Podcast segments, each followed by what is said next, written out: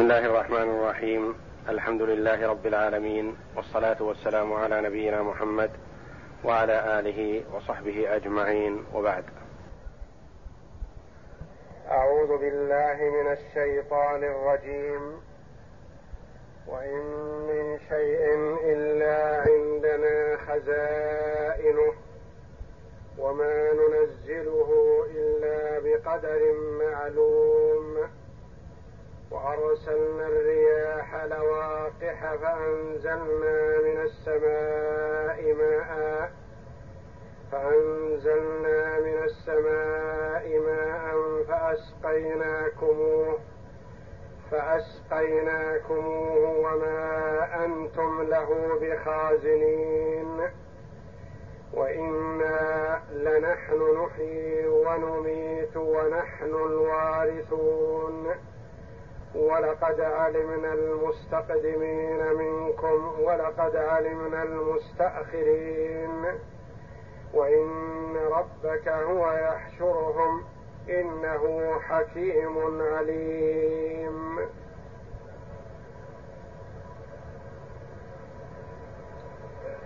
يقول الله جل وعلا وإن من شيء إلا عندنا خزائنه وما ننزله إلا بقدر معلوم.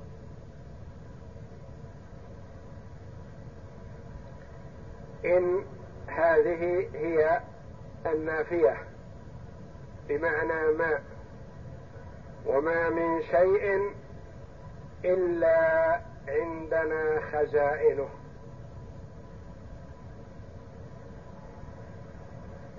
وشيء هنا نكرة.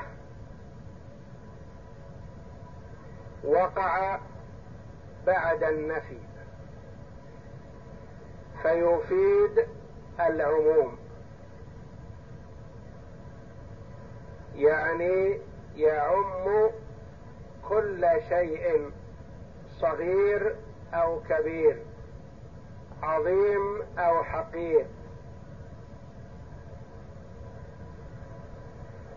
ما من شيء إلا عند الله جل وعلا خزائنه. وخزائن جمع خزانة وهي ما يحفظ به الشيء.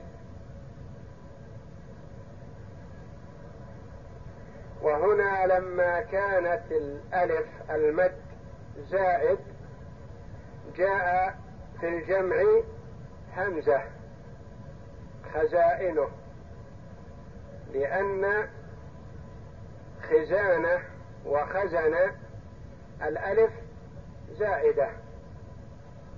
ليست من حروف الكلمة الأصلية الفاء والعين واللام فعلا. بخلاف ما تقدم أمس معايش بالياء لأن حرف المد الذي هو الياء وفي المفرد من حروف الكلمة الأصلية فلا يقلب همزا في الجمع وإنما الذي يقلب همزا في الجمع هو ما كان زائدا في الواحد في المفرد. وما من شيء إلا عند الله خزائنه. يعني كل الأشياء صغيرها وكبيرها حقيرها وعظيمها كلها عند الله جل وعلا. وما ننزله إلا بقدر معلوم. فهو جل وعلا كل الأشياء عنده. ويعطي بقدر معلوم بحكمة. يعطي بحكمة. ويمنع جل وعلا لحكمة. فهو المعطي وهو المانع. فهو إذا أراد شيئا إنما يقول له كن فيكون. فكل الأشياء عند الله ومنه جل وعلا وهو المعطي لها. فلا يجوز أن يسأل غير الله وإنما يوجه السؤال والدعاء والتضرع إلى من بيده كل شيء. وإن من شيء إلا عندنا يعني عند الله جل وعلا. خزائنه وما ننزله إلا بقدر معلوم. لا يعطي جل وعلا بغير حكمة. فيعطي من لا يستحق العطاء أو يمنع من يستحق العطاء فهو جل وعلا يعطي لحكمة ويمنع لحكمة. وقد يعطي المرء وهو يحبه. وقد يعطيه وهو يبغضه ويكرهه جل وعلا. كما أنه يمنع الشيء عن عبده وهو يحبه. وقد يمنع عنه الشيء وهو يكرهه ويبغضه جل وعلا. فالعطاء لا يدل على المحبة كما أنه لا يدل على البغض والكراهية من الله. وإنما عطاء ربنا جل وعلا لحكمة ومنعه لحكمة. وما ننزله أي الشيء العطاء إلا بقدر معلوم. وأرسلنا الرياح لواقحا فأنزلنا من السماء ماء فأسقيناكموه وما أنتم له بخازنين. وأرسلنا الرياح لواقح.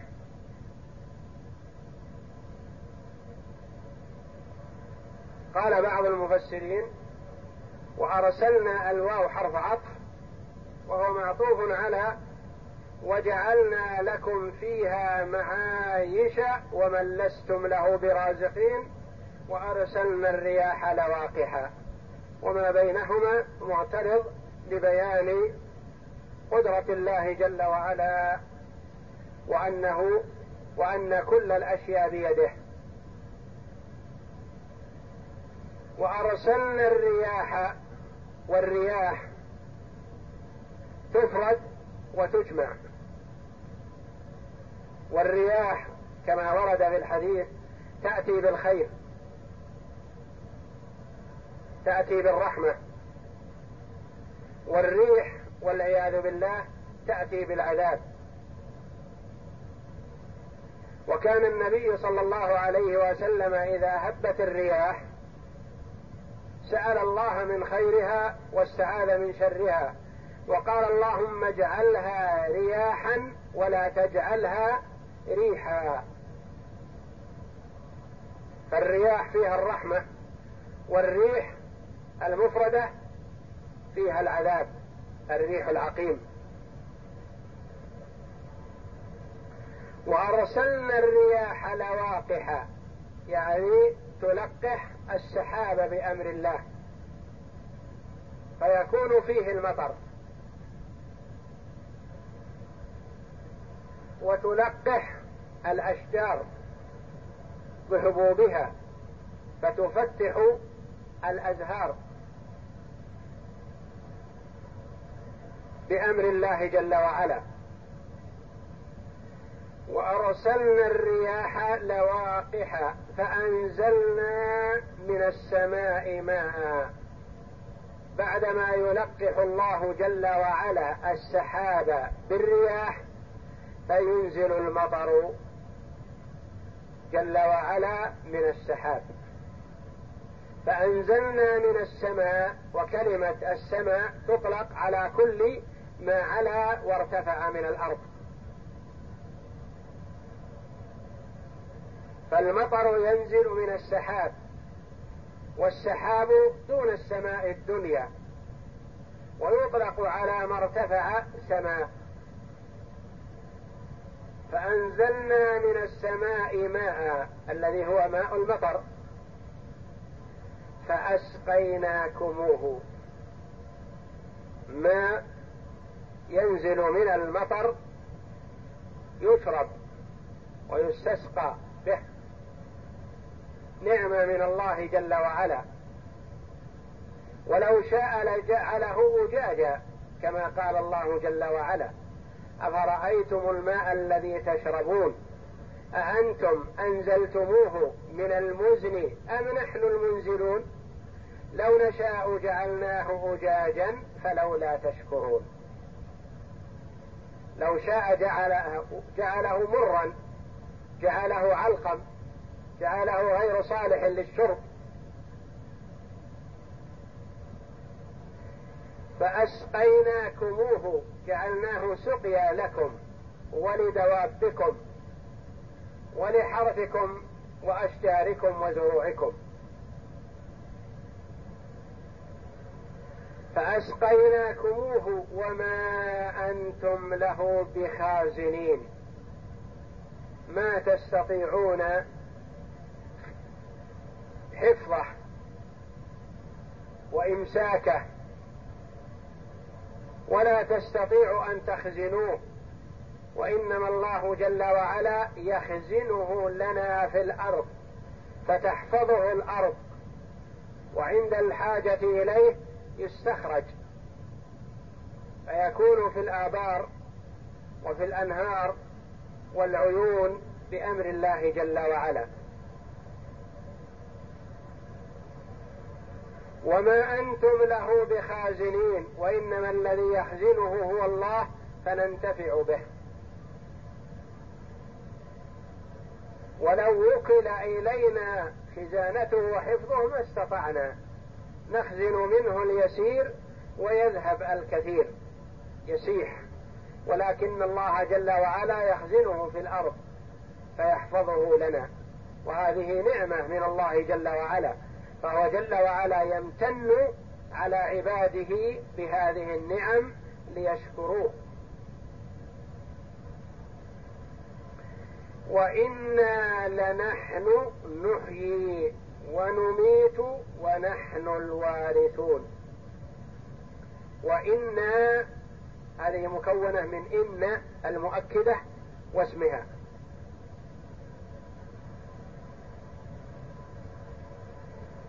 وإنا لنحيو وأين خبر إن؟ نحيي ونميت. وإنا لنحن نحيي ونميت. فهو جل وعلا الموجد للخلائق من العدم. هو المحيي لهم وهو الذي نفخ فيهم الروح جل وعلا وأحياهم بعد أن لم يكونوا شيئا. ثم هو الذي يميت وحده لا غيره. ولا يستطيع أحد من المخلوقين كائنا من كان بأن يحيي. ولا يستطيع أحد من المخلوقين أن يميت ما أراد الله جل وعلا حياته. فالحياة من الله جل وعلا والموت منه جل وعلا. وإنا لنحن نحيي ونميت. ونحن الوارثون. فهو جل وعلا الباقي بعد خلقه. كل الخلق يفنون ويبقى الله وحده لا شريك له كل من عليها فان ويبقى وجه ربك بالجلال والإكرام. والوارث الأصل هو من يبقى بعد الذي يموت فيأخذ ميراثه. والله جل وعلا هو الباقي بعد جميع خلقه. كل الخلق يفنون وآخرهم ملك الموت يفنى ويبقى الله جل وعلا الواحد الأحد الحي الذي لا يموت والخلق كلهم يموتون. بما في ذلك حملة العرش بما في ذلك ملك الموت. ويبقى الله جل وعلا الواحد الأحد الفرد الصمد الحي الذي لا يموت الذي لا تأخذه سنة ولا نوم. ثم يحيي الخلائق جل وعلا بعد ذلك. ونحن الوارثون ولقد علمنا المستقدمين منكم ولقد علمنا المستأخرين. ولقد علمنا المستقدمين. للمفسرين رحمهم الله في هذه الآية أقوال عدة. ولقد علمنا المستقدمين من تقدم من آدم عليه السلام إلى بعثة محمد صلى الله عليه وسلم. هؤلاء المستقدمون والمستأخرون من بعد ذلك فهو جل وعلا يعلم من تقدم ويعلم من تأخر من سيوجد. فعلمه محيط بجميع خلقه جل وعلا.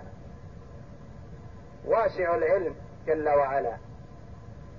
يعلم من مضى ويعلم الموجود ويعلم المعدوم الذي سيوجد إلى أن يرث الله الأرض ومن عليها.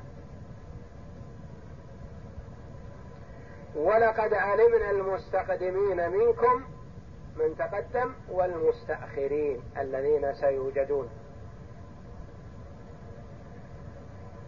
وقيل ولقد علمنا المستقدمين الذين يتقدمون ويسارعون للجهاد في الصفوف الأول ويعلم من يحاول التأخر.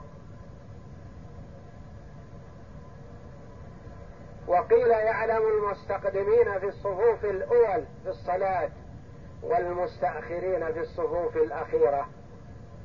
وقيل غير ذلك. والآية تدل على سعة علم الله جل وعلا واطلاعه على أحوال عباده. وإن ربك هو يحشرهم إنه حكيم عليم. وإن ربك هو عالم بهم في الدنيا جل وعلا. عالم من تقدم وما عمل في دنياه وعالم المتأخر الذي سيأتي بعد وماذا سيعمل. يعلم حاله جل وعلا مطيع أو عاصي شقي أو سعيد بر أو فاجر. طويل العمر أو قصيره غني أو فقير يعلم أحوال عباده. ثم بعد ذلك هو يحشرهم جل وعلا. وإن ربك هو يحشرهم. بيان للعباد بأن مآلهم إلى الله. ولا يستطيع أحد أن يفلت من يده جل وعلا. كلهم مرجعهم إليه. فهذا حفز للمرء أن يحسن العمل ما دام مآله إلى الله جل وعلا.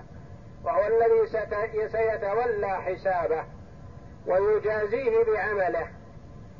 ولا يظلم جل وعلا مثقال ذرة. وإن تك حسنة يضاعفها. وإن ربك هو يحشرهم إنه حكيم. يضع الأشياء مواضعها. عليم لا تخفى عليه خافية.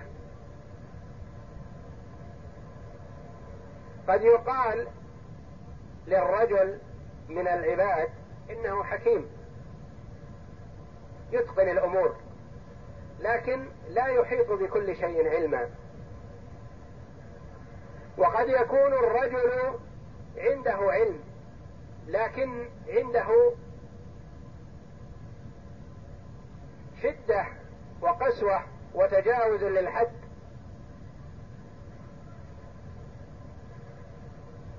والله جل وعلا موصوف بصفات الكمال التي تليق بجلاله وعظمته. والمخلوق وإن وصف بالعلم والحكمة والمعرفة والسمع والبصر فعلى قدره. علم المخلوق على قدره. وعلم الله جل وعلا يليق بجلاله وعظمته. لا تخفى عليه خافية. ويجوز أن يسمى المخلوق ببعض أسماء الله جل وعلا. فيقال عزيز أو حكيم أو عليم أو قدير أو حفيظ أو غير ذلك من الصفات. لكن نعرف أنه فرق بين مضمون الصفة لله جل وعلا ومضمون الصفة للعبد. فقد قال الله جل وعلا عن يوسف عليه السلام اجعلني على خزائن الأرض إني حفيظ عليم.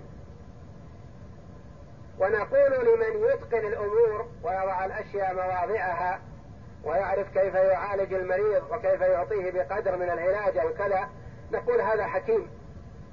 يضع الأشياء مواضعها. لكن هذا الوصف على قدره على قدر المخلوق. والله جل وعلا العليم بكل شيء الذي لا تخفى عليه خافية. الحكيم الذي يضع الأشياء مواضعها جل وعلا. ويجب الإيمان بأسماء الله وصفاته وأن لها معان تدل على الكمال. وليست كما يزعم بعض الفرق الضالة بأنها أسماء وصفات لا تدل على معنى أو لا معاني لها. أو كما قال بعض الفرق الأخرى الضالة شبهوا الله بخلقه وقالوا إنه سميع كسمع المخلوق وبصير كبصر المخلوق وعليم كعلم المخلوق تعالى الله جل وعلا عن ذلك. فيجب علينا الإيمان بأسماء الله وصفاته كما قال الله جل وعلا ولله الأسماء الحسنى فادعوه بها وذروا الذين يلحدون في أسمائه.